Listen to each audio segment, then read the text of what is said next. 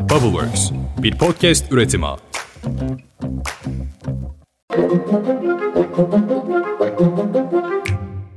Günaydın. Bugün 12 Haziran 2023. Ben Özlem Gürses. Bubbleworks Medya ile birlikte hazırladığımız 5 dakikada dünya gündemine hepiniz hoş geldiniz. Nasıl geçti hafta sonu anlamadım inanın. Bak yeni hafta başladı bile. Hadi biz de başlayalım. Şehidimiz var. Pençe Kilit Harekatı bölgesinde iki askerimiz şehit oldu. Milli Savunma Bakanlığı el yapımı patlayıcının infilak etmesi sonucu yaralanan iki askerimizin hastanede şehit olduğunu duyurdu. Başımız sağ olsun, ailelerine de sabırlar diliyorum. Ankara'da ekonomi kurmayları takımı artık netleşti. Merkez Bankası Başkanlığına Hafize Gaye Erkan en sonunda atandı. BDDK Başkanı ise Şahap Kavcıoğlu oldu. Ankara kulislerine göre Mehmet Şimşek Gaye Erkan'ın ismine çok da sıcak bakmamış. Hatta Merkez Bankası Başkanlığı için bu isme itiraz etmiş. Şahap Kavcıoğlu'nun BDDK başkanlığına gelmesi ise Gölge Ekonomi Bakanı yorumlarına yol açıyor. Mehmet Şimşek'in kısa bir süre içerisinde Erdoğan'ın baskılarına daha fazla dayanamayıp ayrılabileceği ve yerine Şahap Kavcıoğlu'nun getirileceği konuşuluyor. Kavcıoğlu bir çeşit bekçi görevi yapacak ekonomi yönetiminde diye anlatılıyor. Şimdi herkes iki zor virajın bu kadroyla nasıl aşılacağını da merak ediyor. İlki asgari ücret zammı. Bu ay sonuna kadar belli olacak. Diğeri ise 22 Haziran tarihindeki Merkez Bankası Para Politikaları Kurulu'nun faiz kararı. Faizler 8,5 seviyesinde ama bu tabii ki Merkez Bankası faizi. Gerçek faizin asla böyle olmadığını hepimiz biliyoruz. Yine kulislere göre Mehmet Şimşek Cumhurbaşkanı Erdoğan'ı faizi kademeli olarak %40'a kadar yükseltmek konusunda ikna etmiş. Şimşek'in ilk yabancı yatırımcı toplantı gezilerini de Avrupa Birliği ülkeleri ve Körfez ülkelerine yapması bekleniyor. Asgari ücretin ne kadar olacağı önemli. Zira hem işverenin hem de çalışanın sürdürülebilirliği buna bağlı. Ne demek istiyorum? Maliyetler çok yükselirse işsizlik gündeme gelebilir. Asgari ücretin ara zam görüşmeleri 13 Haziran'da yani yarın başlayacak. İktidar seçim öncesinde 500 dolar bandında bir asgari ücret vaat etmişti. 500 doların gerekli olduğunu söylemişti. Konuyla ilgili bir tahminde sosyal güvenlik uzmanı Özgür Erdursun'dan geldi. Sosyal medya hesabından bir açıklama yapan Erdursun, 1 Temmuz'da asgari ücret 12.000-12.500 TL bandında, en düşük emekli aylığı ise 10.000 TL olur. Çok baskı olursa en düşük emekli aylığı asgari ücrete biraz daha yakın olur diye yazdı. İktidar ekonomik sorunlarla boğuşurken CHP'de ise liderlik ve kurultay tartışmaları giderek alevleniyor. CHP sözcüleri CHP kurultayının en geç Ekim ayında yapılacağını duyurmuştu. CHP Genel Başkanı Kemal Kılıçdaroğlu'nun aday olup olmayacağı hala net değil. İstanbul Büyükşehir Belediye Başkanı Ekrem İmamoğlu ise bir süredir verdiği değişim mesajlarına bir yenisini ekledi. İmamoğlu'na genel başkanlığa aday olup olmayacağı soruldu. Bu değişim noktasındaki fikrimde net olarak kararlıyım. E, menzile yürüme hususunda net olarak kararlıyım.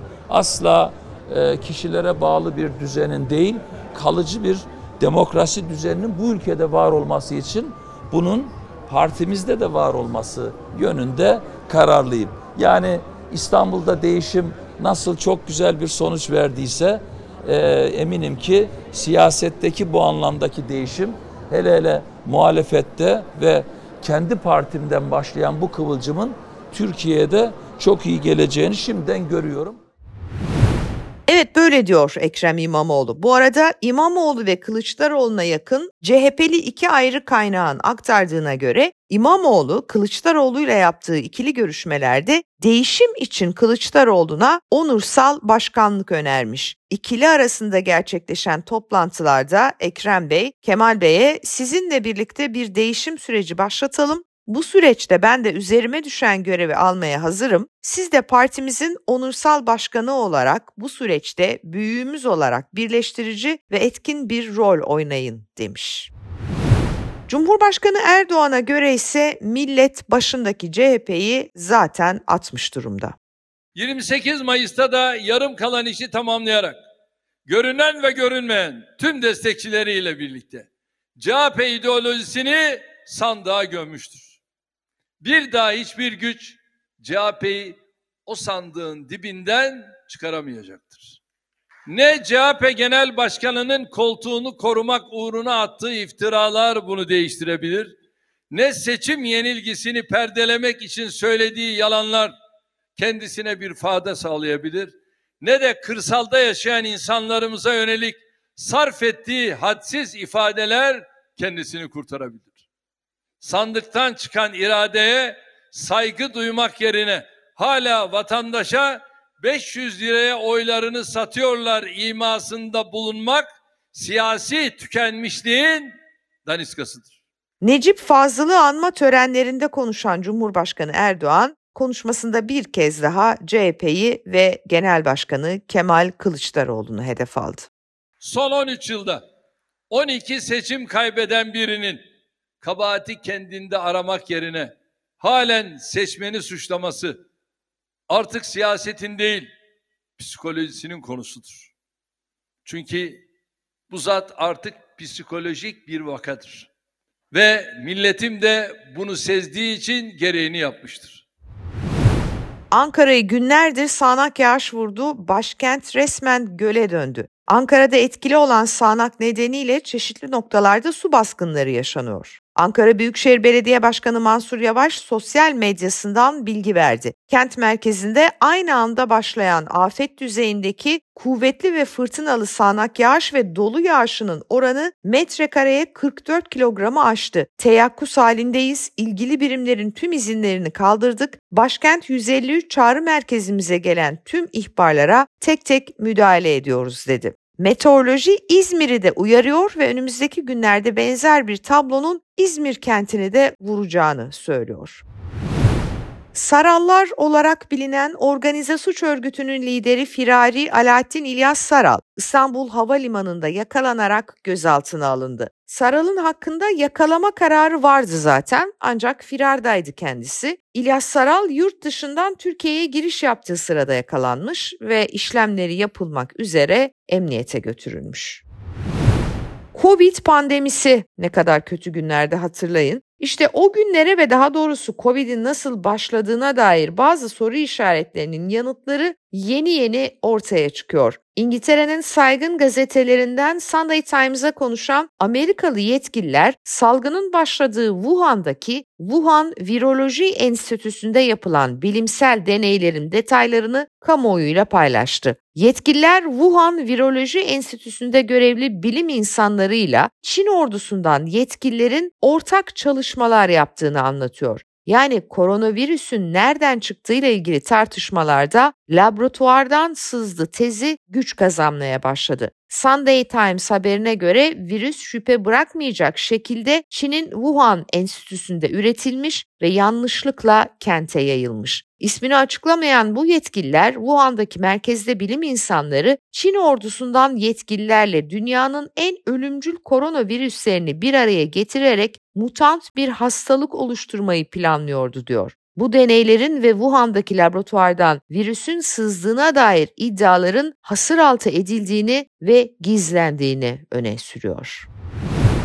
Durum buysa gerçekten dehşet bir şey. O zaman Amerikan Başkanı Trump haklıydı demek. Haklı olan başkaları da olabilir. Zira BioNTech aşısı da yargının konusu haline geldi. Almanya'da iki hukuk bürosu müvekkillerinin koronavirüs aşısı nedeniyle uzun süreli sağlık sorunları geçirdiğini iddia ederek BioNTech'e yüzlerce tazminat davası açtı. Financial Times'ın aktardığına göre Mainz merkezli ilaç şirketine yönelik ilk duruşma bugün Hamburg'da gerçekleşecek. Sağlık çalışanı aşıdan sonra kalpte ritim bozukluğu ve bilinç bulanıklığı yaşadığını iddia ediyor. BioNTech'ten 150 bin avro tazminat talep ediyor.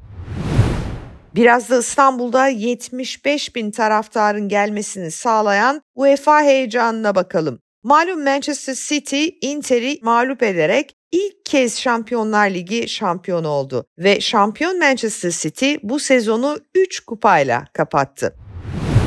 Türkiye Futbol Federasyonu Başkanı Mehmet Büyükekşi, Şampiyonlar Ligi finaliyle Türkiye'ye 200 milyon dolara yakın döviz girişi olduğunu açıkladı.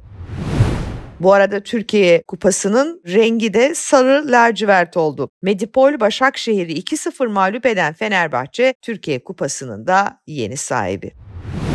Türkiye'nin efsaneleşen keman virtüözlerinden Suna Kan 86 yaşında hayatını kaybetmişti. Sunakan Cumhurbaşkanlığı Senfoni Orkestrası tarihi binasında bu sabah 10.30'da düzenlenecek törenin ardından Karşıyaka mezarlığında defnedilecek. Bu vedayı Sunakan'ın yakın dostu devlet sanatçısı Gülsin Onay, büyük bir müzisyenimizi, yakın dostumu ve yeri doldurulamaz değerli kemancımızı kaybetmenin üzüntüsü içerisindeyim. Kalbimizde hep yaşayacak eşsiz anıları ve olağanüstü kayıtlarıyla, sözleriyle duyurmuştu. Gerçekten de muazzam bir maestroydu. Sadece Türkiye'nin değil, dünyanın en ünlü kemanistlerinden biriydi. Sunakan, muazzam da bir hikayesi var. Türkiye Cumhuriyeti'nin temeli kültürdür diyen canım Mustafa Kemal'imizin harika çocuklarından biriydi Sunakan. Ruhu şad olsun. Onun TRT ekranlarında yaptığı kayıtlardan birinin eşsiz notalarıyla, sesleriyle bugün veda edelim. Yarın sabah yine erken saatlerde beraber olmak ümidiyle.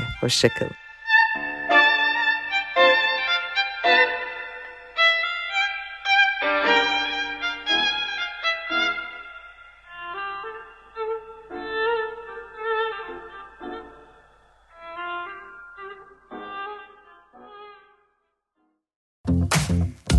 Bubbleworks bir podcast üretimi.